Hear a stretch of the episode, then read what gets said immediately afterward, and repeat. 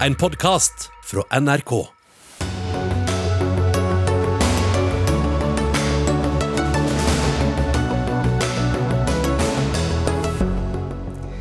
Regjeringen har sovet i timen, mens strømkrisen blir bare verre, sier Rødt og Frp, som vil ha hastemøte før Stortinget åpner.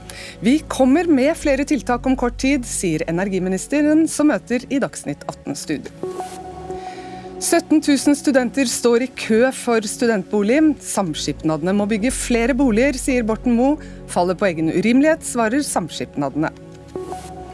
Nancy Pelosis egenrådighet har satt USA i ei klemme og Taiwan i fare, skriver politisk redaktør. Ingen større risiko enn å la Beijing diktere, svarer Vennskapsforening. Og det er på tide med en ny likestillingskamp for menn, sier Høyre-politiker.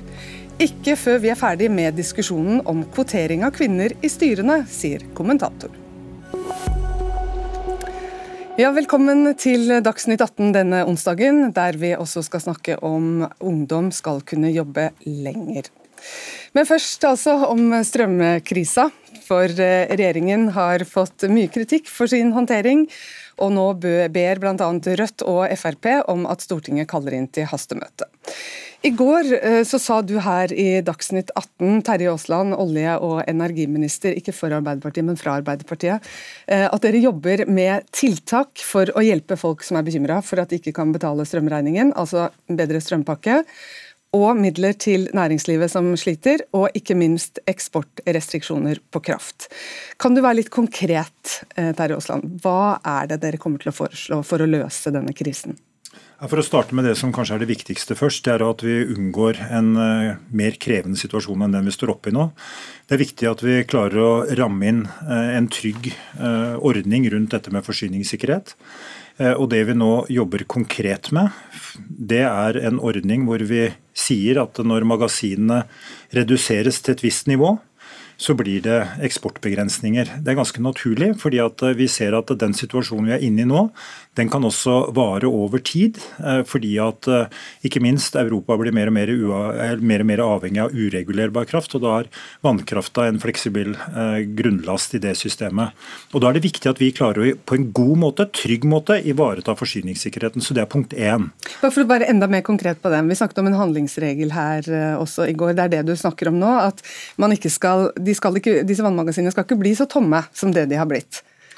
Nei, De kan bli tomme eh, eller komme ned mot eh, et lavt nivå, men når de kommer under et visst nivå eh, og det, Hvor det nivået ligger, det kan, kan, du si noe om hvor det Nei, jeg kan ikke si akkurat detaljene i det. Så det må vi komme tilbake igjen til. Men når det kommer under gjennomsnittet for det som er normalen for året, så kan det bli da eksportbegrensninger. Sånn at vi klarer å ramme inn forsyningssikkerheten i Norge på en god måte og en trygg måte, uavhengig av liksom hva som skjer rundt. Sånn at vi har full men, kontroll på det. Men når folk har snakket om dette tidligere, så har, har dere bl.a. vært opptatt av at vi har avtaler som gjør at vi må, vi må levere denne kraften til de europeiske landene. Hvorfor er det annerledes nå? Det er viktig at vi er en del av av det store bildet i energisamarbeidet. Eh, fordi det trygger oss, eh, og vi kan bidra og få inntekter når det er riktig at vi får det. Men det som er viktig, det er at vi klarer å ivareta forsyningssikkerheten, altså tryggheten for at vi ikke skal komme i situasjoner hvor det f.eks. må innføres rasjoneringstiltak osv. Det vil vi unngå, eh, både den kommende vinteren som vi nå står foran, og det som kommer i ettertid. Så kraftselskapene skal la være å selge ut så mye, strøm, nei, så mye kraft som ja, det, er, det de gjør nå? Det er Statnett som da styrer eksporten vår, og det er de som da eventuelt må få rammer for det. Men det er, det er helt vesentlig at vi klarer å håndtere det på en god måte. Eh, og det er litt, det er litt annerledes enn den eh, vi hørte i går når det gjaldt handlingsregelen, men veldig identisk allikevel. Fint. Og Så sa du også en bedre strømpakke. Kan vi prøve å være konkrete? Kommer staten til å dekke 100% av regningen på strømmen vår, som da er dyrere enn 70 øre per kilowattime etter oktober da, eller i vinter? Altså det er eh, ikke 70 øre. Altså alt over 70 øre dekker vi nå 80 av. Ja. 90, 90 fra, fra Men kan oktober. det komme til å bli 100% Ja, Vi har jo nå en uh, omfattende evaluering av denne ordningen. Se hvordan den treffer både sosialt, fordelingsmessig, uh, og om det er behov for å gjøre justeringer inn, eventuelt forsterke ordningen. Det som folk kan være helt trygge på, det er at så lenge vi har unormalt høye priser som vi har nå, og som vi kommer til å ha i noe tid framover, så skal denne ordningen bidra til at vi reduserer konsekvensene av de høye strømprisene. Men ikke, vi, du kan ikke være mer konkret? Nei, altså det her kommer vi med når vi kommer i, forbindelse med statsbudsjettet. Men folk kan være helt trygge på at så lenge vi har en unormal prissituasjon, så skal denne ordningen eh, virke. Og når vi er på en 90 eh, dekning, så, eh, som den vil være fra 1.10, så vil vi også ta stilling til om vi skal gjøre forsterkninger i den ordningen. Så det kan komme til å bli 100% der. Marie Sneve, du er stortingspolitiker og nestleder i Rødt. Blir du beroliget av det Aasland sier her? Det er veldig godt forsøk på beroligelse. og mens jeg er jo fornøyd med at regjeringa nå eh, er villig til å gjøre tiltak og gjøre dem raskt, ettersom jeg forstår, før 1.10. Eh, Dette er jo en alvorlig situasjon eh, for landet, men så er jeg jo også spent på detaljene her. da, fordi Høyre, Regjeringa og Arbeiderpartiet har jo helt fram til nylig vært veldig fast på å avvise alle former for å begrense krafteksporten. Og Det har jo Rødt vært i mange debatter med Arbeiderpartiet her i studio, der vi har ønska en begrensning av krafteksporten, og nå sier man at det kan man godt åpne åpne for. Men da spørs det for hva er dette visse nivået man skal under, hvor lavt kan det bli, og ikke minst hvor mye kan man da begrense eksporten. Eh, sannheten er jo at vi i Norge det siste året egentlig har hatt eh, fyllingsgrad i magasinene som har vært eh, unormalt lav. Rødt har eh, ropt varsko om det og ment at vi da ikke kan fortsette å sende mer kraft ut av landet enn vi får inn. Det har vi gjort i et år, og det har vi gjort gjennom sommeren. Aasland har prøvd seg med pekefingeren og innser kanskje nå at pekefingeren ikke er effektiv nok. Og da mener jo vi i Rødt at det første som skjer, er at vi samler Stortinget. For de beroligende ord i debattprogrammer er, er, fint, men det som eh, faktisk forandrer ting, er jo vedtak med konkrete krav, med konkrete tall, og det må vi få Stortinget på banen for å få gjort. Men, men altså, vi, Jeg har aldri sagt nei til at ikke vi skal gjøre noe med, med, med forholdet magasinfylling, eh. Vi har hele tida sagt egentlig at vi ønsker å gjennomgå situasjonen knytta til eksport eh, i de situasjoner hvor magasinfyllingen er svært lav. Så vi følger opp det vi har sagt. Eh, og Vi har også nå sett konturen av den situasjonen som befinner seg ute i Europa, og som er veldig alvorlig, veldig krevende. Stor usikkerhet i energimarkedene. Den krever også lengre, eh, altså tiltak på lengre sikt.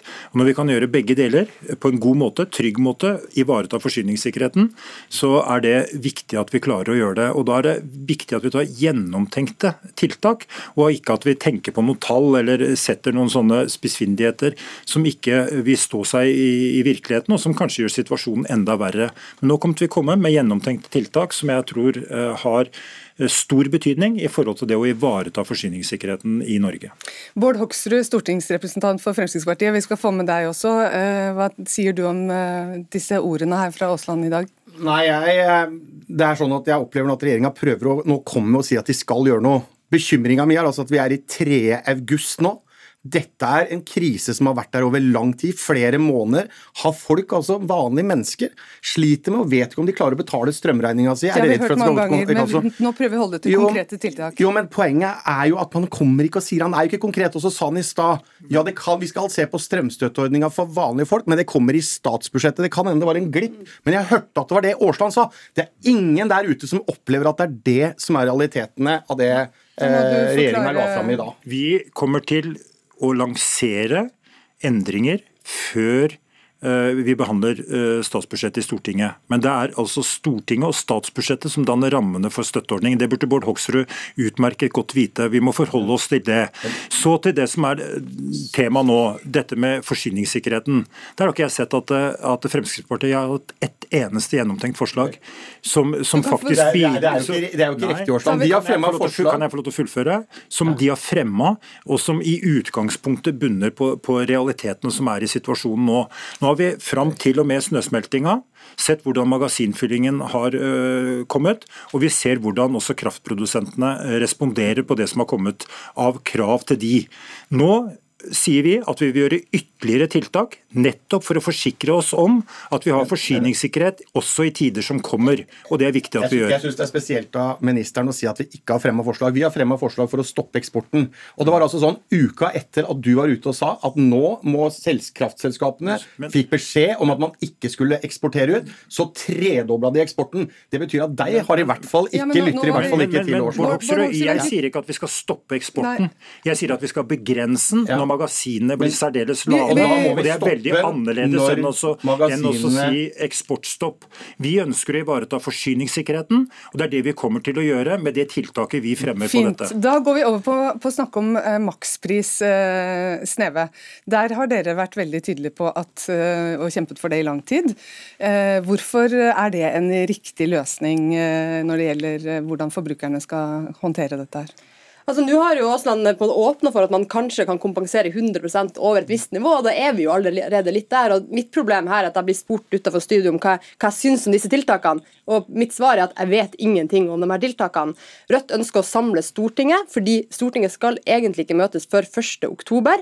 Jeg tenker at Alle har hatt en god og lang sommerferie, nå kan Stortinget møtes. Det må Arbeiderpartiet, Senterpartiet og Høyre stemme for eh, på mandagens møte, sånn at vi kan gjøre det. og Da kan vi diskutere ulike tiltak. Rødt mener vi trenger en makspris der vi setter en pris for hva produsentene kan ta. For det vi i realiteten har nå, er en slags runddans der folk betaler høy strømpris hovedsakelig staten store tjener penger på det, og så betaler staten de pengene tilbake. Det er en helt unødvendig runddans, der mye forsvinner ut på veien til bonuser og overskudd i kraftselskapene, ikke minst eh, forhandlingsselskapene. Da vi mener at de kunne gjort det i første ledd. Men hvis det vi får, får med oss flertallet på en mer subsidiær løsning, der det er en sånn 100 over nivå, så Rødt er også gjerne med på det. Eh, det vi trenger er en makspris både for folk og bedrifter. Men, men, det er faktisk sånn at regjeringen har hele tida justert strømstøtteordningen. Vi har gått i dialog med SV. Vi har forsterka den. Det begynte på 55% nå er vi på 80% Vi skal opp til 90% og jeg sier vi evaluerer denne ordningen. Nettopp for å finne ut hvordan vi kan treffe folk best mulig. Og Jeg går ut fra at Rødt også er opptatt av at vi skal ha en sosial profil, en rettferdig profil i dette som gjør at vi treffer også de som sliter mest. og Da er kanskje det vi bør ta hensyn til i denne situasjonen vi befinner oss i, og ikke med blanko sette en makspris som kanskje ødelegger hele kraftsystemet vårt, og hindrer også framtidige investeringer i ny kraft, som vil være veldig viktig når kraft, øh, kraftbehovet øker i åra framover. Så jeg håper Rødt er med på ja, en konstruktiv dialog om hvordan vi kan innrette en ordning nå som gjør at vi treffer de som virkelig trenger det i en krevende tid. Og Det er det regjeringen leiter etter, og det er det jeg tror er viktig. Det, ja, I løpet av sommerferien så, så, ba jo i om at Stortinget skulle møtes, sånn at de kan ha den konstruktive dialogen der den hører hjemme, i stortingssalen. Og det er ikke for lite respekt for NRKs debattstudioer, men det er jo der vi trenger at ja, vi kan kvittere ut det med Vil, du stemme for, vil Arbeiderpartiet stemme for det forslaget? Nei, Det må du spørre Arbeiderpartiet i Stortinget om. Jeg har sagt at hvis det er behov for det, så stiller jeg opp for å redegjøre. Jeg mener at de tiltakene vi har varsla at vi kommer med, og den innramminga, den tilsier at ikke Stortinget bør sammenkalles. Syns du det er en god idé at de avbryter sommerferien, hasterinkaller? Ja, det, må, det, må, Stortinget ta stilling til, det kan ikke jeg ta stilling til. Jeg stiller opp ja, altså, jeg, det, er det som jeg syns er synd. altså Folk sliter med drivstoffpriser, matvarepriser og strømpriser. Og makspris på strøm burde vi hatt 50 øre. Det betyr altså at det er nesten det er ganske høyere enn det som har vært normalen de ti siste åra. 70 øre pluss 80% Det betyr altså at for de aller fleste så betaler man dobbelt av den 70 øra. Og det handler om at det hjelper ikke, Terje, at du sier at folk har fått 17 000 eller 13 000 i strømstøtte, når realiteten er at de betaler dobbelt så mye, og mange vet om de har råd til å betale det. Nå sier han at han også er enig i det, at det er en krise, og at det skal jo. du gjøre noe med. Nå må vi få inn Nikolai Astrup her, som er stortingsrepresentant for uh, Høyre. Dere mener at uh, en makspris uh, ikke er en god idé. Hvorfor ikke det? Fordi at maksprisen, den, eh, altså Det å innføre makspris det kan øke risikoen for at vi får en situasjon med knapphet og rasjonering. Eh, og eh, Derimot så mener jeg at det er på høy tid at regjeringen øker støtten til husholdningene og får på plass en støtteordning til bedriftene. Og Det vi foreslår helt konkret, er at strømstøtten skal økes til 90% for alle husholdninger fra 1.9. Og Vi er gjerne med på et møte i Stortinget for å få det på plass, hvis regjeringen mener at det er nødvendig eh, for å, for å fatte det vedtaket så raskt. Så må altså en støtteordning for bedriftene også komme på plass. Dette har vi mast om siden før jul i fjor. Det er mange bedrifter eh, som har strøm som en utrolig viktig innsatsfaktor og som ikke får noen hjelp, og som nå sliter enormt. Og Det er gjerne små og mellomstore bedrifter. De store industribedriftene har jo lange kontrakter, er i stor grad sikret. Eh, over tid, men, men for småbedriftene så er, ikke det, så ikke det tilfellet. Så er det riktig som Aasland sier at regjeringen har justert strømstøtteordningen hele tiden. Det er, det er korrekt, men de har altså vært bakpå hele tiden, fra dag én, og ligget noen skritt bak Stortinget. Du skal få komme inn igjen, Astrup, men, men det er noen som rister på hodet her. Vi tar inn eh, Ja, altså, nå, Hoksrud nå har. Høyre vært borte hele sommeren, og jeg skjønner det. Når man i dag kommer og sier at man egentlig støtter regjeringas forslag og, og det de holder på med, det er dårlig for vanlige folk. Og Høyre har ikke ønska noe mindre altså å gi støtte til næringslivet. Det har heller ikke Arbeiderpartiet og Senterpartiet gjort. Fremskrittspartiet har vært tydelige på det. Vi mener at alle skal få 50 øre. Jeg har altså, og I Terje og mitt sitt hjemfylke så har vi transportbedrifter som, får en, altså som, som sliter skikkelig. Vi har industri som sliter skikkelig med strømpris. Den ene store industribedriften sier at de kutter ned produksjon fordi de har ikke råd til å betale for strømmen. Dette er beinalvor, og det handler om arbeidsplasser. Det handler det, om vanlige mennesker. Vi kan ta det med næringslivet, Aasland. Hvordan skal dere hjelpe næringslivet som nå sliter? Nei, altså For det første så har vi nå ute på høring en ordning med fastprisavtaler, bedre fastprisavtaler. Det betyr at ordinært næringsliv kan eh, få tilsvarende kontrakter egentlig som kraftforedlende industri kan. Og Da er kraftprodusenten også, ansvar å inngå den type avtaler som bygger opp under norsk næringsliv og norsk, eh, skal vi si, eh, norske muligheter.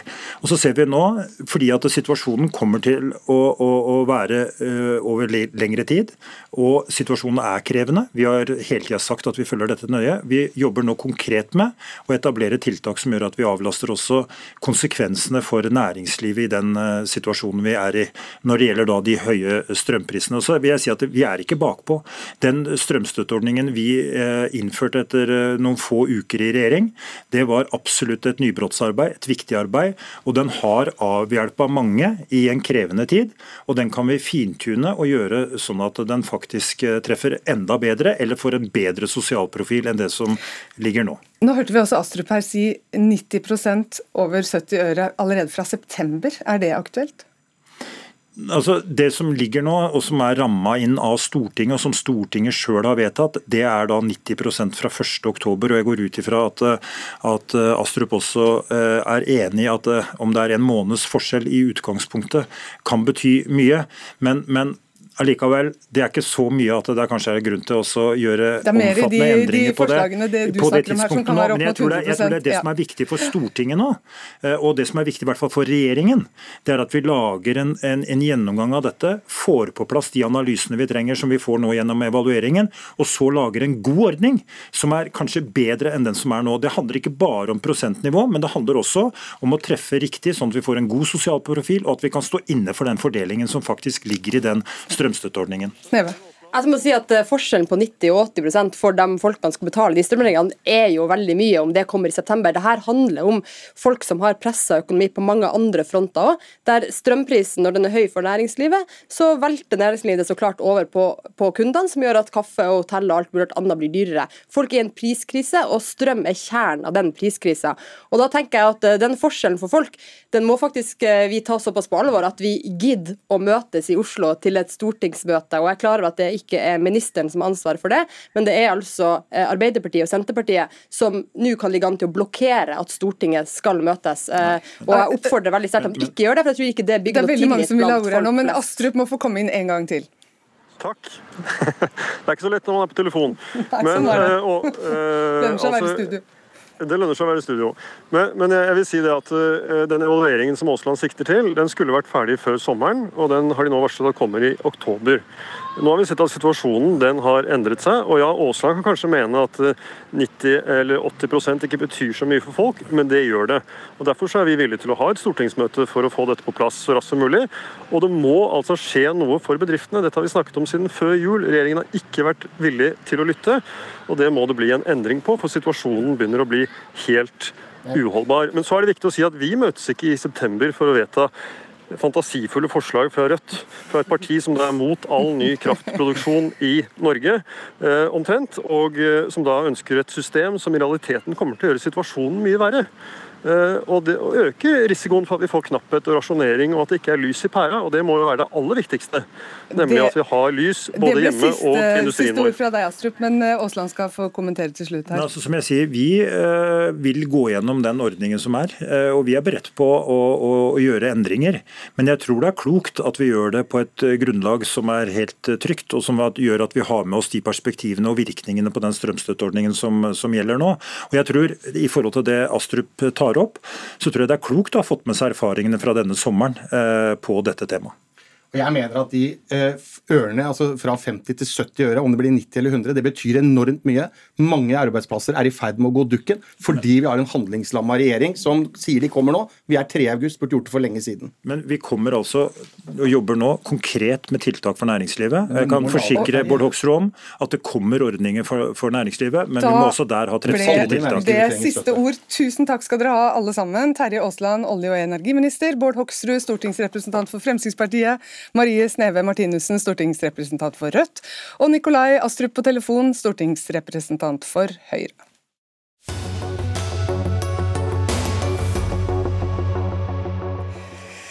Ja, både folk, næringsliv og politikere leter etter løsninger på strømkrisa, som ser ut til å bli langvarig. Vi står på en hengebru, skriver du i en kommentar i Dagbladet i dag. Politisk redaktør Geir Ramnefjell, hva mener du med det? Nei, det jeg mener det, at uh, når vi har hørt denne diskusjonen her nå, så kan det være lurt å noen ganger trekke opp et perspektiv, fordi det er, uh, bildet er stort og komplisert. Uh, og det har jo lenge vært snakk om at vi er på en vei mot fornybarsamfunnet. og Det vi ser nå, at det er en hengebru. Og Putin han står og rister i den brua alt han kan. Han, Russland har strupet gasseksporten til Europa. Det er gassprisene, de galopperende gassprisene som er hovedårsaken til strømprisen. Og den effekten vi ser nå, det er selvfølgelig at det utløser enorm eh, politisk uro og politisk debatt, som vi har sett nå i studio i dag. Et lite eksempel på. Ja, Anne Ekornholmen, politisk redaktør i Nasjonen. Vi må diskutere litt den debatten vi, vi hørte her. Hva, hva tenker du om, eh, om situasjonen? Nei, altså, eh, Egentlig så har jo det kommet nye ting på banen i dag. altså Fordi at eh, Arbeiderpartiet og regjeringa og Aasland kommer med noen eh, i hvert fall delvis konkrete og i hvert fall noen lovnader da, om at ting skal skje. Etter at det i veldig lang tid har handla om eh, vi snur hver stein og vi følger nøye med. og eh, Egentlig eh, formuleringer som har gjort både folk og næringsliv veldig utålmodig. Eh, så det er ikke rart at eh, mange debatter har handla om strøm i det siste.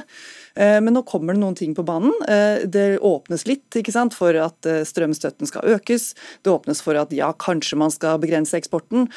Og alle de tinga her, som Bård Doktor sier, det, kom, det er vel, har gått veldig lang tid, og det har vært eh, gått seint. Men Men Står de nærmere hverandre nå? hvem da? Eh, F.eks. Altså regjeringen og opposisjonen? Ja, altså, jeg tror mange er jo, altså, er, jeg, eh, jeg tror alle forstår problemet. Eh, så Sånn sett så tror jeg ikke man står langt fra hverandre. Men det er jo også regjeringas eh, mål å, å prøve å eh, se disse tingene i sammenheng. Som Ravnefjell sier, dette er jo ekst, eh, altså, utenrikspolitikk i tillegg til intern norsk politikk. Så det er komplisert. Eh, Men det er, eh, og regjeringa er jo heller ikke helt enig seg imellom. ikke sant? Eh, Senterpartiet og Arbeiderpartiet i forholdet til EU bl.a. Så det er komplisert. Og nå kommer det ting på banen som forhåpentligvis vil føre debatten i hvert fall litt videre. Tror du de nærmer seg en variant av en slags makspris? En variant av det. altså Sånn som det er nå, så kan jo ikke denne regjeringa leve med at norske bedrifter eh, risikerer å gå over ende, rett og slett. Altså Vanlige små og mellomstore bedrifter har jo ikke en buffer på 200 millioner kroner ekstra i strømutgifter. Så, så det er kanskje det som virkelig nå begynner å få alarmklokkene til å ringe, da. Og som også er den kritikken som kommer. Vi ser fra eh, både Fagforbund og fra LO, fra, fra Norsk Industri og fra Arbeiderparti-ordførere rundt omkring i landet. Mm, ja, for det å øke strømstøtten det seiler opp som den beste løsningen. Men, eh, men det er ikke bare, bare å øke den? Nei, Det er et eksempel på at uh, det å øke strømstøtten er jo én av flere mulige løsninger på den situasjonen som man har kommet nå. Men hver enkelt uh, løsning har dilemmaer og har følgeeffekter. Hvis man øker strømstøtten til 100% så fjerner man alle insentiver for å ikke bruke så mye strøm. Og I en, i en periode hvor du har da uh, energimangel, så kan det være kritisk. Da kan du faktisk få rasjonering, sånn som det var sagt. Og I tillegg, hvis du bruker veldig mye penger på strømstøtte i en situasjon med inflasjon, så må du ta og kutte utgiftene andre steder. Det henger sammen med hvordan regjeringen må tenke om, om statsbudsjettet til høsten. Så dette her er ting som Det er ikke gjort i en håndvending å komme med en løsning, og ingen enkeltløsning vil løse hele problemet alene. Ja, Hvilke vurderinger er det som gjøres rundt akkurat det der fra Arbeiderpartiet og Senterpartiets side? Det er klart det er Mange snakker om strukturendringer. ikke sant? Det er hvordan man hele tiden, rett og slett driver kraftmarkedet. Og, og markedsstyring og hvilken grad skal man ha kontroll over alt osv. Det er jo langsiktige spørsmål. Og så er det de kortsiktige. Hvor, lang, hvor stor blir strømregninga? Hvor lenge kan vi leve med den? Og nå blir det kaldere og kaldere utover. Så det er kort sikt og lang sikt, og det er selvfølgelig komplisert politisk. Eh, og så er det jo sånn at så lenge vi selger strømmen dyrt, så tjener jo også staten masse penger. Eh, og det er jo et begrunna spørsmål det. Hvorfor brukes ikke mer av de penga nettopp til å støtte eh, vanlige folk og bedrifter? Vi hørte jo Arbeiderpartiordførere her i Dagsnytt 18 i går. Vi har sett tidligere LO-leder som er ute og er kritisk til, til regjeringen. Er det mye strid i Arbeiderpartiet og i regjeringen rundt disse spørsmålene? Jeg tror i hvert fall at det er, det er, gode interne diskusjoner, for å si det på den måten. Og det er klart at dette er Arbeiderpartipolitikerne, altså ordførerne sin jobb. Det er jo nettopp å målbære hvordan det står til i deres distrikt. Så det er jo jobben deres. Men det er klart at det, det går mot et Vi nærmer oss, går mot et lokalvalg neste år. Og det er ikke bra for verken Arbeiderpartiet eller Senterpartiet å merke at dette her går utover oppslutning. Ja, eh, Hvordan tror du folk oppfatter dette? Nei, altså eh, For vanlige folk så tenker de først og fremst sannsynligvis på prisen og ferdig med det, og regner med at politikerne skal kunne ordne opp i det. Men vi har jo hatt et politisk system i Norge hvor både Arbeiderpartiet og Senterpartiet har vært med på en markedsorientering av kraftprisen som har fungert veldig godt. Og Man ser jo også ut ifra hva regjeringen jobber med nå, at man prøver å finne løsninger som skal dempe effekten av den uroen som man ser nå i markedene, samtidig som man fortsetter å basere seg på en eh, markedsløsning. Så Det er helt klart et kompromiss som man forsøker å, eh, å, å hamre ut nå, men det er vanskelig fordi du havner hele tiden på defensiven og blir utfordra med med høye kraftpriser og strømpriser som folk blir rasende for. Kan dette ha noe å si for uh, samarbeidet mellom Arbeiderpartiet og Senterpartiet i regjering? Altså, det, det, handler litt om eh, En av de vanskelige tingene her er jo EU og EØS og forholdet til nettopp det at vi har gått inn i kabel- og eksporten. Eh, og Der er Senterpartiet og Arbeiderpartiet grunnleggende uenige. Eh, Senterpartiet er nærmest bygd på arvesølvet og kontrollen over naturressursene. Så der er det konflikter. Men dette her var jo ikke et tema man egentlig hadde med seg da man gikk inn i regjering. Så det har blitt et spørsmål som har kommet mye større på banen mer på banen enn kanskje Arbeiderpartiet og Senterpartiet forutså. Eh, og Derfor så er det uenigheter også om eh, hvilke retning og hvilke valg man skal gjøre nå på kort og lang sikt. Takk skal dere ha, Anne Ekornholmen, politisk redaktør i Nasjonen, og Geir Ramnefjell, politisk redaktør i Dagbladet.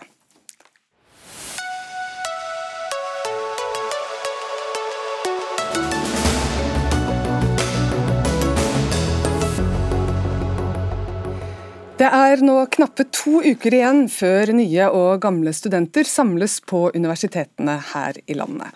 Og fremdeles er det omtrent 17 000 studenter som mangler et sted å bo mens de studerer. Og De siste dagene så har vi hørt om lange boligkøer. Mohammed eh, Mosa, du er en av dem som står på venteliste for å få studentbolig i Stavanger. Hvor vanskelig opplever du at det er å, å finne en studentbolig nå? Altså Det virker jo som eh, nesten umulig. For uh, uh, det var fem måneders ventetid på studentboligene. Og privatmarkedet virker mer umulig, så å si. Ja, for du har forsøkt det private utleiemarkedet også. Hvordan gikk det? Nei, det, det gikk absolutt ikke fint. Da. Jeg får så vidt svar. Jeg har sendt over, godt over 50 meldinger nå, og så har jeg fått svar av tre. Du skal starte på din bachelorgrad i Stavanger allerede 15.8. og Hvis du ikke da får deg et sted å bo nå, hva gjør du da? Eh, da må det bli Airbnb eller hotell. Det er jo ikke akkurat mye å velge mellom, når man ikke, spesielt når man ikke kjenner noen i byen man skal studere i. Da. Du sier at det er mange som er i samme situasjon som deg. Hvordan vet du det? Jeg har fått eh, flere meldinger av folk som, uh, som er i samme situasjon som meg. Da. Og snakker om hvor vanskelig det er å få tak i en liten leilighet, altså typ 10 kvadratmeter. De får ikke tak i det heller. Da ønsker vi deg lykke til med det, Mohammed Mosa. Og så hører vi med Ola Borten Moe, forsknings- og høyere utdanningsminister. Vi har hørt om dette problemet her år etter år. Hvorfor klarer vi ikke å få flere studentboliger her i landet? Vi får jo flere studentboliger. Eller nok. Eh, nok Eller nok, ja. Eh, Men det går ikke eh, fort nok, og vi skulle gjerne bygd enda flere enda raskere enn det vi har fått til de siste årene. Det er et ansvar som samskipnadene er nødt til å ta sammen med regjeringa. Så ser vi en del utviklingstrekk som det er vel verdt å reflektere litt eh, over. Altså for så eh, er det sånn at studentene ønsker å bo lenger i, i studentboliger nå enn det som var tilfellet tidligere. Det kan jo henge sammen med at kvaliteten har blitt høyere, men det betyr jo at utskiftingstakten eller rotasjonstakten på boligene går, eh, går ned, og det blir enda lenger mellom hver gang en hybel eller, eller en leilighet blir, blir ledig. Ja, Men du sier også at studentsamskipnadene tjener godt med penger og må ta ansvar for denne studentboligmangelen som vi, vi står i. På hvilken måte mener du at de kan gjøre noe med dette? Eh, altså De siste årene så har eh, departementet mitt da, sendt tilbake 1 milliard kroner som Stortinget har bevilga til studentboliger, fordi at samskipnadene ikke har benytta seg av de eh, pengene som Stortinget har bevilga. Altså Ca. 3500 studentboliger som Stortinget har finansiert, som de siste årene ikke er bygd. I tillegg er det sånn at eh, samskipnadene har eh, høy egenkapital, eh, til sammen om lag 5 milliarder kroner. De største samskipnadene, det er jo den i Trondheim og den i Oslo, de har hver seg godt over en, en milliard. Det er store bedrifter og store organisasjoner. Eh, Og På toppen av det hele så er det jo sånn at det å bygge og eie en studentbolig med statstilskudd, det er etter mitt skjønn god butikk. Eh, Så kostnadsramma, eller den skal koste en drøy million eh, per stykk. Det tar samskipnaden mellom 6000 og 7000 kroner for, i hvert fall gjør de det i Oslo. Så får du 350 000 i, i, i direkte statsstøtte. Da sitter vi igjen med 700 000 kroner som skal finansieres fra samskipnadens side, og på det så får du kanskje 84 000 kroner i året i leieinntekter. Det er altså en svært god avkastning som jeg ikke tror du vil finne maken til noe annet sted i norsk eiendomsbransje. Da må vi høre med Hans Erik Stormoen her, styreleder i Samskipnadsrådet. Eh, Borten Boe sier her at dere ikke har benytta dere av eh, de pengene dere kunne få, har dere ikke det? Eh, jo, eh, jeg har bare lyst til først å ønske Mohammed eh, lykke til med jakten på en studentbolig i Stavanger. Jeg eh, syns det er en veldig uheldig situasjon han har kommet opp i, og håper det er noen som virkelig kan hjelpe han, slik at han kan starte studiet sitt med et trygt sted å bo. Og så til Borten Moes eh, innspill i forhold til at det er sendt eh, mye penger tilbake og at samskipnadene ikke benytter de midlene som Stortinget har bevilga for å bygge studentboliger. Jeg, jeg vil kalle det skivebom når eh, vi får skylda for at disse pengene er sendt tilbake igjen. Fordi både Borten Moe og tidligere eh, ministre i departementet har fått klar eh, melding fra samskipnadene om at de kostnadsgrensene som ligger for å bygge en studentbolig, er for lav i forhold til hva eh, eh, det er mulig å bygge en slik bolig for. Eh, Det er helt riktig at det kan koste 1 million kroner å bygge en studentbolig, men prisnivået i dag er veldig mye høyere enn 1 million for en enkelt bolig. Og Det betyr at når samskipnadenes gjør et prosjekt for å bygge boliger, og ser at prisen er over 1 million, og søker om å få bygge for f.eks. 1,2 millioner, så sier Husbanken og departementet nei, det får dere ikke. Og da får vi heller ikke benytte den potten som Stortinget har bevilga. Og ergo, de boligene blir ikke bygd, og Så- pengene sendes tilbake. Så det betyr at dere mener at disse rammene må endres, sånn at dere kan få benyttet disse pengene?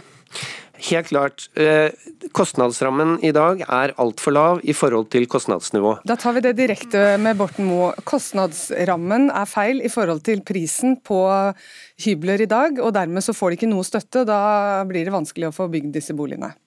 Ja, Det er en av de tingene som jeg kommer til å, sammen håper jeg, med eh, de ulike samskipnadene eh, bruke tid på nå fram til statsbudsjettet skal legges frem i oktober, for å se på om det er en korrekt beskrivelse. Men litt kjapp hoderegning der òg. En hybel er 20 kvadrat. Eh, Kostnadsramma er 1 million og 50 000. Du har en byggekostnad eh, på vel 50 000 kroner kvadraten.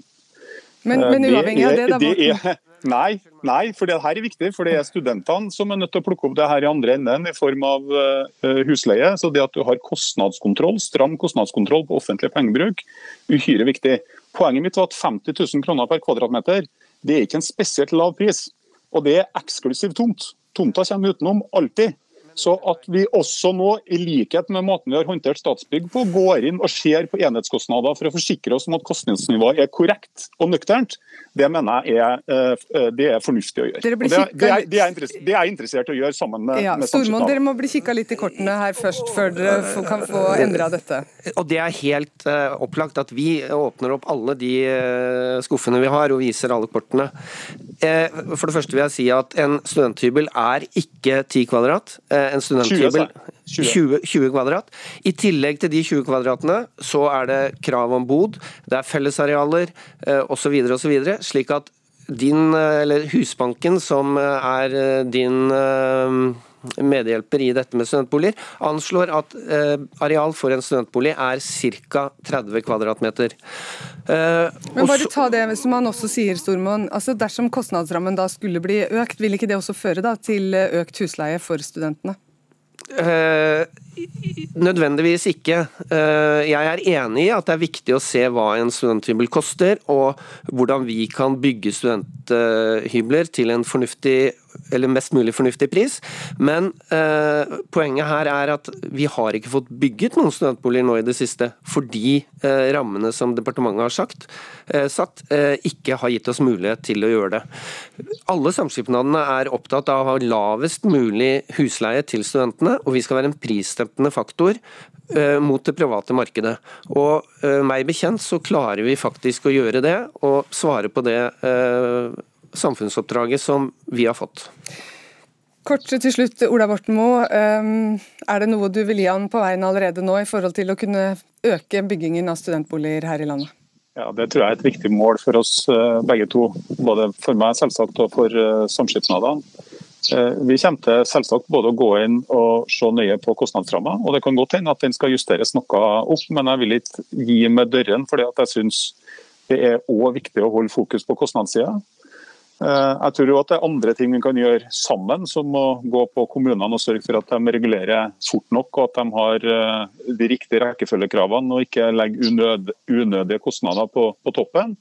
Og så tror jeg endelig at, hvis, at også når det gjelder samskipnadene, er nødt til å se gjennom kostnadsstruktur. for at Jeg er altså helt sikker på at hvis målet hadde vært ja. å utløse studentboliger, og vi hadde gitt private 350 000 kroner i tilskudd for å bygge en hybel, for så å lene ut til 7000 kroner, så hadde det kommet til å gjort, blitt gjort på flekken på alle de 1650 boligene som Stortinget har bevilga penger til. Det klarer samskipnadene ikke å gjøre i dag. Da ble det... Avslutningsvis må jeg få lov å si at når du bruker 7000 kroner som en eh, husleie, så er ikke det uh, den Nei, riktige det, det, snittallet. Det, det, det, er det man tar i Oslo for en ny studenthybel, og det er ikke snittet, men det er for en ny hybel. Nei, men, men det er Nei, helt, annet prisnivå, eh, helt annet prisnivå ja. i resten av landet, så, og vi kan ikke sammenligne Oslo og Volda. Det er to forskjellige Nei. steder. Så, du, kan sammenligne, du kan heller ikke sammenligne gamle hybler og nye hybler. Det var du for, for ny hybel som er interessant. Takk skal dere ha. Vi må dessverre avslutte denne diskusjonen. Takk til Mohammed Mossa, student, og til Hans Erik Stormoen, styreleder i Samskipnadsrådet, og til Ola Borten Moe, forsknings- og høyere utdanningsminister.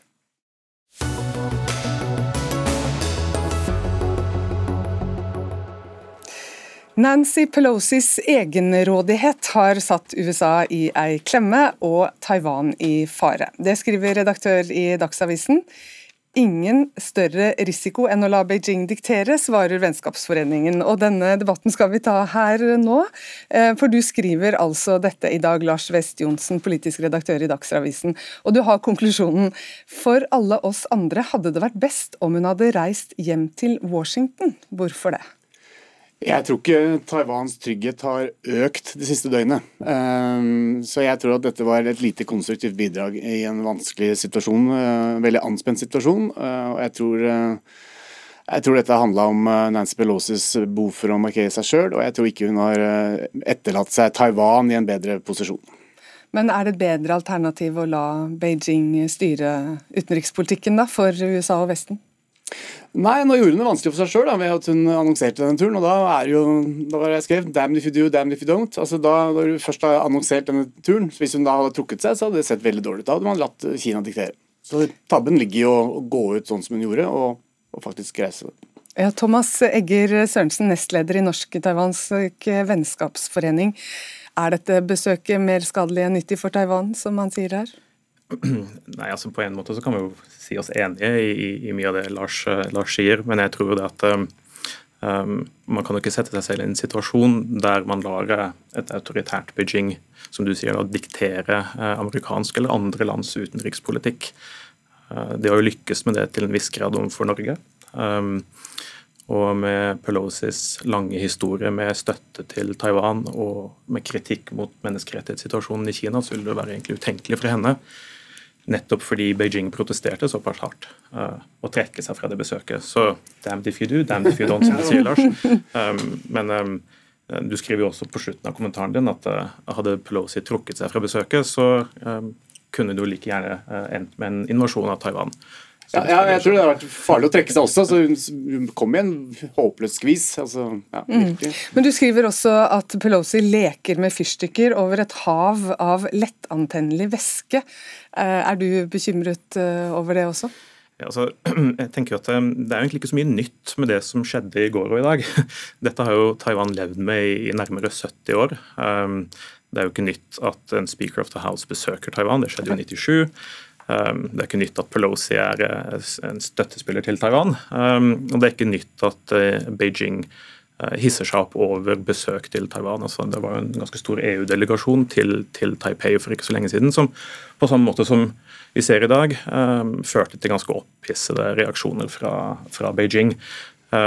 det som er nytt, er jo egentlig vår egen kontekst. Altså, vi har kanskje levd i en situasjon hvor krig i Vesten er en utenkelighet. det er jo absolutt en tenkelighet for taiwanerne, som levde under trusler fra Beijing ganske lenge. Mens med invasjonen av Ukraina så har på en måte det utenkelige kanskje blitt tenkbart da, for oss eh, her i Vesten. Som gjør at um, vår egen kontekst i å se på det som skjer i, uh, i Stillehavet, uh, er vel egentlig det eneste som har endret seg. Fordi det som skjedde i går, har skjedd mange ganger før. Det er jo et ganske anspent forhold mellom Kina og USA, og som du sier, det har vart en stund. Eh, er du bekymret for at eh, det skal bli enda verre med dette? Det er ikke noen tvil om at Dette eskalerer jo situasjonen, og avstanden mellom disse to supermaktene øker. Mistilliten øker, veien tilbake blir lenger. Eh, sånn at dette har ikke vært konstruktivt. Og så er det som du sier, det er en annen kontekst nå. Verden er rett og slett på tuppa. Vi kommer ut av en pandemi, vi går inn i en krig. Det er en økonomisk situasjon som egentlig ingen helt har grep om. Historisk inflasjonsnivå. Og så ypper man til bråk eh, i eh, Sør-Kina-havet eller i Stillehavet. Jeg tror det er utrolig dumt gjort, og jeg tror det handler veldig mye om amerikansk innenrikspolitikk. Det er tre måneder igjen til valget der borte. Demokratene er på defensiven. Nancy Pelosi vil, eh, trenger altså Begge regimene trenger hverandre i, i som en fiende. Ja, jeg tror dette var, eh, dette var skivebom av USA, og det, det, stresser en hel verden. og Det ser man jo på reaksjonene. Er du bekymret for hva det vil ha å si på lang sikt, forholdet mellom Kina og USA og en hel verden? Eh, jeg er nok ikke like bekymret som det, som det eh, Lars gir uttrykk for her. Som jeg sa tidligere, dette har jo Taiwan levd med i 70 år. Det er jo ikke noen stor overvekt av taiwanere som ønsker en formell eh, selvstendighetserklæring. De er jo ganske tilfreds med den de facto selvstendigheten, selvstendigheten de har. og uh, Som Pelosi også sa på bakken i Taipei, så er ikke dette noen endring i amerikansk Taiwan-politikk. Eh, ett-Kina-politikken står ved lag, eh, og den strategiske utvetydigheten som de har ført, og som, som Biden også eh, ganske nylig bekreftet og, og, gjentok, står jo også ved lag.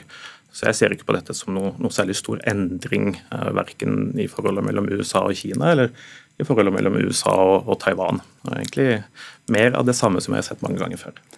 Ja, jeg hører at du er, du er stoisk som taiwanere. Eh, vi andre er ikke så stoiske. Eh, det er klart at Taiwanerne de er, de er, vant med det her, og de er selvfølgelig glad for å få nummer tre i det amerikanske politiske hierarkiet på besøk hjem til seg, vise styrke.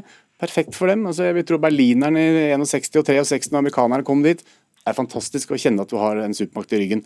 Men jeg tror, ikke det, tror ikke det har vært et godt bidrag til å sikre verdensfreden på, på litt lengre sikt. Takk skal dere ha, Lars West Johnsen, politisk redaktør i Dagsavisen, og Thomas Egger Sørensen, nestleder i Norsk-taiwansk vennskapsforening.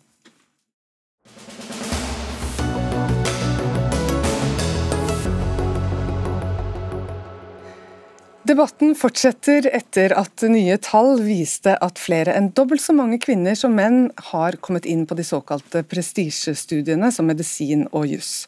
Nå må det bli gutta sin tur. Vi trenger flere tiltak, og vi trenger dem nå, skriver du på ytring på nrk.no. Mahmoud Farahman, stortingsrepresentant eh, for Høyre. Hvordan blir det guttas tur i dine øyne? Nei, altså Det som er Formålet her er å sikre at flere gutter fullfører skolen uh, på en fornuftig måte og klarer på sett og vis å konkurrere uh, om disse studieplassene høyere, i høyere utdanningsinstitusjoner. Uh, selv om høyere utdanning i seg selv ikke er Guds gave til menneskeheten, skal jeg si, så, så er det liksom et, et lite poeng her. Det vi ser er at Frafallet starter i tidlig fase en samtale med Nav-sjef i mitt hjemfylke sa han påpekte allerede andre tredjeklasse så ser vi utfordringer for en del gutter. Det som vi i Høyre har ettersøkt, er å ha, legge til rette for flere praktiske fag for, for gutter. Det vi vet, er jo at gutter uh, utvikler seg litt senere enn jenter rent mentalt. og Dermed så kan disse praktiske fagene være med og hjelpe til at de på, på sett og vis får en skoleglede og kan lykkes på skolen. For Menn dominerer på mange områder uh, innenfor ledelse. Hvorfor ble dette her et problem nå som kvinneandelen øker på prestisjestudiene? Uh, la meg bare skille. Jeg skriver om gutter ikke menn. Jeg skriver om gutter og jenter, ikke kvinner og menn. Det er to forskjellige ting det jeg ser for meg, det vi ser for oss i Høyre på lang sikt, er at om en 20-30 år så må vi kanskje iverksette betydelig mer krevende eh, tiltak for å lykkes. Hvis vi nå klarer å ta tak i disse utfordringene nå, så kan vi slippe å iverksette massiv kvotering og, og mer kostnadskrevende tiltak i fremtiden. Anne Rokkan, du er kommentator i Bergens Tidende. Hvordan eh, reagerer du på kravet om en likestillingskamp, ny likestillingskamp for menn?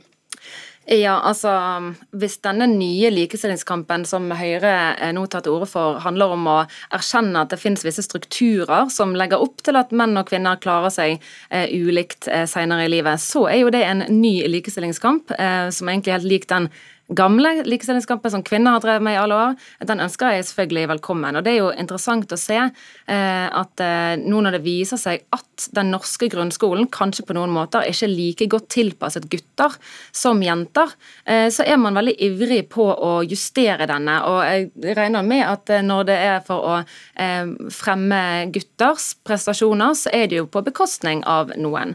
Eh, og jeg regner med at denne iveren etter Eh, og altså Likestillingskampen handler jo egentlig om å identifisere disse strukturene som gjør det vanskeligere for det ene kjønnet eller en spes spesifikk gruppe mennesker eh, å klare å på en måte konkurrere på like fot som andre. Og Jeg regner med at den interessen for å um, for at den konkurransen skal være fair på andre punkter også, er like interessant for, for Høyre og Faramann.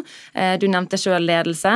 Kvinner eh, eier mindre eiendom, de eier mindre aksjer, de har mindre kapital, de er mindre toppledere, de sitter mindre i mektige posisjoner i samfunnet, og ikke minst så tjener de jo langt, langt mindre.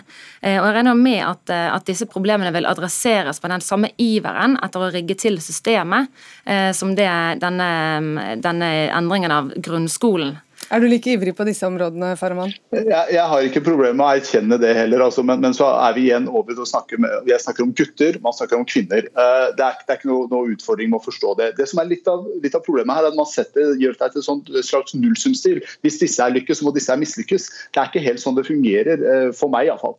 Uh, jeg er opptatt av at vi skal optimalisere skolen slik at både jenter og gutter lykkes. Det er samfunnsmessig fornuftig, og det er samfunnsøkonomisk fornuftig. Så er det en rekke andre ting man man påpeker, så, som motparten her påpeker, som, som, reelt sett må tas tak i. Det er ingen tvil om. Eh, men så er det slik at det hjelper ikke. For, for, gutta at det er mange menn som sitter i lederstillinger. Disse guttene de kommer til å falle ifra. Det vi ser er at f.eks. 55, eller godt over 50% av søkerne på NTNU det er jenter. Det er kjempebra. Det vi ser er at godt over 50% av fastlegene i Norge, både innenlands- og utenlandsutdanna, er kvinner. Det er kjempebra. Men vi må også sørge for at vi klarer å opprettholde denne balansen i framtida, og forsterke det som skal forsterkes. Ja, jeg synes Det er et veldig merkelig eh, premiss for debatten å dele den opp mellom gutter og menn. All den tid eh, det er jo skolegangen som legger altså Dette er en debatt som kommer opp nå etter opptaket til høyere utdanning gjennom samordna opptak, der man ser at 60% av plassene tildeles kvinner. Det er jo der denne debatten kommer fra.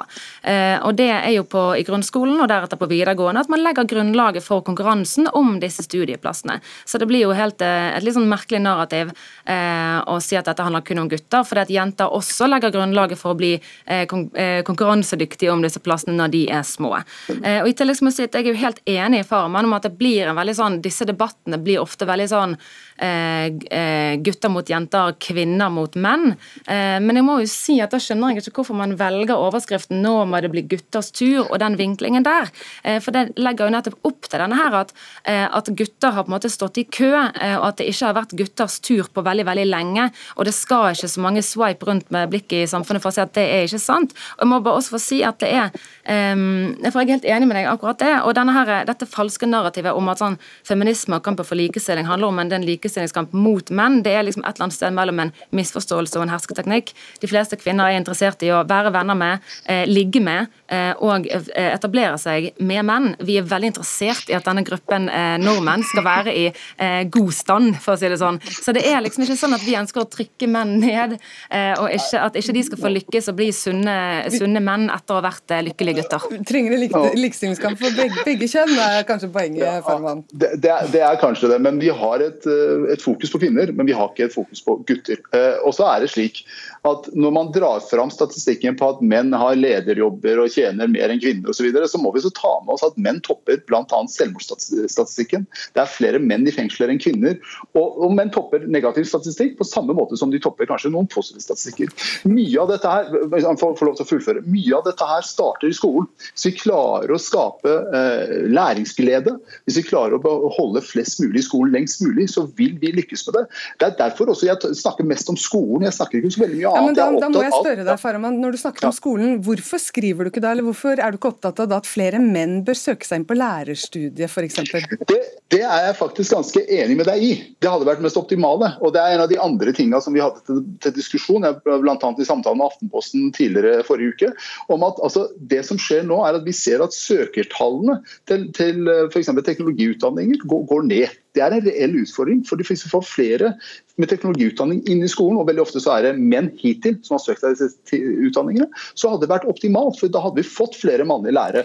Og det er noe som vi bør ta tak i. Og så må jeg si, jeg er det må være kort, for nå må vi altså, Jeg er på ingen måte for kvotering heller, altså. Ja, ok, Rokkan skal få avslutte her. Eh, ja, nei, eh, Å trekke frem sånn at menn eh, topper selvmordsstatistikken og derfor skal vi ha mer gummi i skolen, er jo også en sånn retorikk som jeg syns er litt voldsom. og det er Når du skriver at noe av det styggeste vi gjør mot et menneske, forteller de i en alder av 19 år at vi ikke har bruk for deg. Jeg syns du tar debatten litt ut av, litt ut av perspektiv her.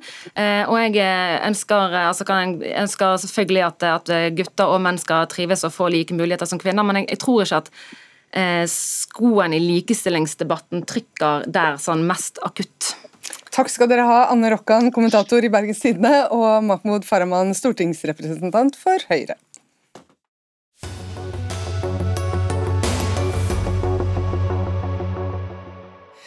Hoteller som må avvise gjester, utslitte servitører og barer som er tvunget til å stenge. Det er noen av symptomene på den mangelen på arbeidskraft som turist- og restaurantbransjen har opplevd etter pandemien. Til sammen estimerer Nav at Norge mangler over 70 000 folk til å jobbe i hele landet. Men dette problemet har dere funnet en løsning på. Stortingsrepresentant fra Høyre, Erlend Svardal Bø, hva er løsningen? Nei, I dag er det jo sånn at hvis du er mellom 15 til 18 år, så kan du i utgangspunktet jobbe fram til klokka 11. Eh, og så er det en del eh, unntak eh, i det regelverket. F.eks. hvis du står i oppvasken, hvis du har rengjøring og sånne ting, så kan du få muligheten til å jobbe fram til, til midnatt. Så det vi ønsker å gjøre, er jo det at de som er mellom 15-18 år skal også få muligheten til å jobbe lenger enn til klokka 11, altså én time ekstra fram til midnatt. Eh, og Det vil jo bidra til at unge kan tjene litt ekstra, få litt mer arbeidserfaring, men òg løse den utfordringa som veldig mange i restaurantbransjen, serveringsbransjen, hotell og event òg har gitt uttrykk for, at den har eh, mangel på arbeidskraft. og Da kan vi gi ungdom muligheten til å jobbe én time ekstra eh, med, å, med å endre forskriften. da. Even Rød, stortingsrepresentant for Arbeiderpartiet. Én time ekstra, vil det løse problemet? Nei, Vi mener at eh, det, det, ikke vil løse problemet. og Det er jo ikke overraskende at, eh, at eh, Høyre finner sine ideer i å, i å svekke arbeider, arbeidernes rettigheter når de ønsker å, å løse problemer rundt, rundt, omkring i arbeidslivet. Så, så, så, Det er ikke overraskende i det hele tatt. og bare sånn for å gjøre Det helt klart, det er bra at ungdom jobber om sommeren, og det skal vi fortsette med. Og Det andre her er at det er ikke én time ekstra. 15-18-åringer kan jobbe seks timer ifølge arbeidsmiljøloven. Her vil man flytte arbeidstida, sånn at man ikke jobber fra klokka eh, fem til klokka 23, eh, men eh, fra klokka seks til klokka 24. Det mener vi er en unødvendig utvikling. Ja. Ja, nå er det sånn at Du kan jobbe 40 timer hvis du er mellom 15 til 18 år, det som står i arbeidsmiljøloven. Og så er det litt sånn merkelig argumentasjon fra Arbeiderpartiet for å si at den svekker arbeidsrettighetene. Det gjør den absolutt ikke. Det er allerede sånn i dag eh, at 15-, eh, 16- og 17-åringer kan jobbe fram til eh, midnatt, fordi at du har en del unntak, bl.a. som jeg sier med oppvask og sånne ting. Og Det er jo litt sånn merkelig når Arbeiderpartiet sier at det er å svekke arbeidsrettighetene. Da blir jo spørsmålet mitt at når en har de unntakene allerede i dag, med at hvis du er 17 år, så kan du stå i oppvasken, men hvis du er 17 år, så kan du ikke stå i f.eks. i resepsjonen. Er det da sånn at Arbeiderpartiet nå vil stramme inn det regelverket, sånn at det blir vanskeligere for unge å jobbe? sånn at det blir vanskeligere for restaurantbransjen og serveringsbransjen å faktisk få muligheten til å få eh, oppfylt de stillingene som er i den arbeidssituasjonen for, for som er. Liksom, hva er forskjellen da på å stå i oppvasken til midnatt eh, og det å gjøre andre oppgaver fram til altså, midnatt? Altså, jeg, jeg, har selv jobba i, i, restaurantbransjen, både som, som 15-åring og som 20 24-åring. Og jeg er veldig glad for at jeg som 15-åring slapp å jobbe de, de timene som, som, var mellom 23 og 24, og spesielt i de deler av, av, arbeidslivet der hvor det er alkoholservering og den type ting. Da forandrer faktisk disse stedene seg ganske mye utover kvelden. Det vet eh, Erlend Svardal Bøe, og det, det vet vi alle hvordan den utviklinga er. Og det er en stor forskjell på det. Og det er en svekkelse av rettighetene, for det er ikke en gode å få lov til å jobbe til klokka 24. Det er en gode å slippe å måtte jobbe seinere enn klokka 23. Eh, og den, den goden ønsker Høyre å frata 15-17-åringer, eh, og det mener jeg, er, mener jeg er en feil utvikling eh, av, av arbeidslivet. Ja, men Det er jo et viktig poeng. Må, det er en grunn til at ungdom må skjermes eh, noe i arbeidslivet, og at vi har en del regler sånn at det ikke skal utnyttes. Men Det har den allerede i arbeidsmiljøloven, men poenget er at det er snakk om én time. Og Jeg tror ikke det er sånn at arbeidsliv blir rasert fordi et unge menneske får lov til å ha muligheten til å jobbe én time ekstra, når vi allerede har flere unntak i dag der unge kan jobbe fram til klokka tolv. Eh, og Det er jo litt sånn spesielt òg, fordi at det Arbeiderpartiet egentlig sier, er jo det at hvis du på en måte, hvis du står i oppvasken og er 17 år, så har du muligheten til å jobbe fram til klokka 12. Det er sånn regelverket i dag, for du har unntak. Men hvis du er 17 år og skal stå i resepsjonen eller servere mat ute i restauranten, så har du kun lov til å jobbe til klokka 11. Altså du får én time mindre. Og Det Arbeiderpartiet da uttrykker, er jo det at de mener det at den som står i oppvasken, er betydelig mindre verdt enn den som f.eks. står i eh, resepsjonen. For den som står i oppvasken, den skal få muligheten til å jobbe fram til midnatt, men ikke andre 15-, 17- og 18-åringer som da har eller 17-åringer som da har andre oppgaver på den type steder. Logikken her er jo at eh, når du åpner opp for at flere kan, eh, kan er måtte.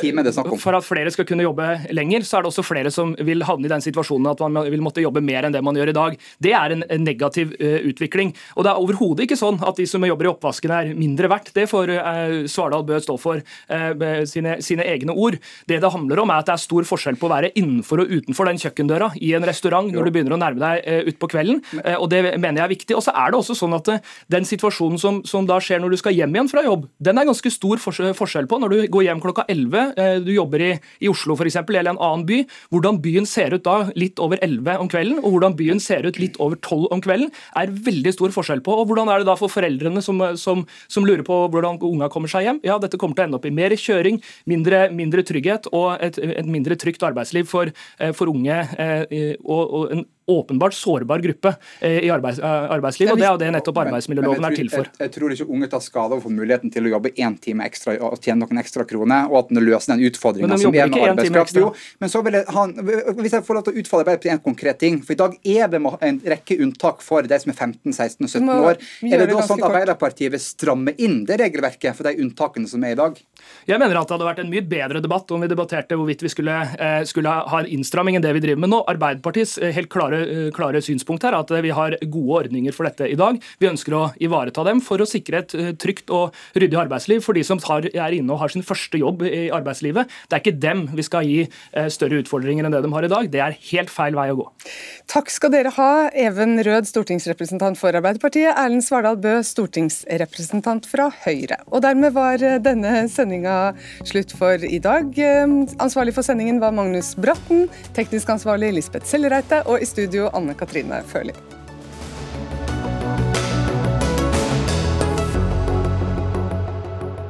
Du har hørt en podkast fra NRK. Hør flere podkaster og din favorittkanal i appen NRK Radio.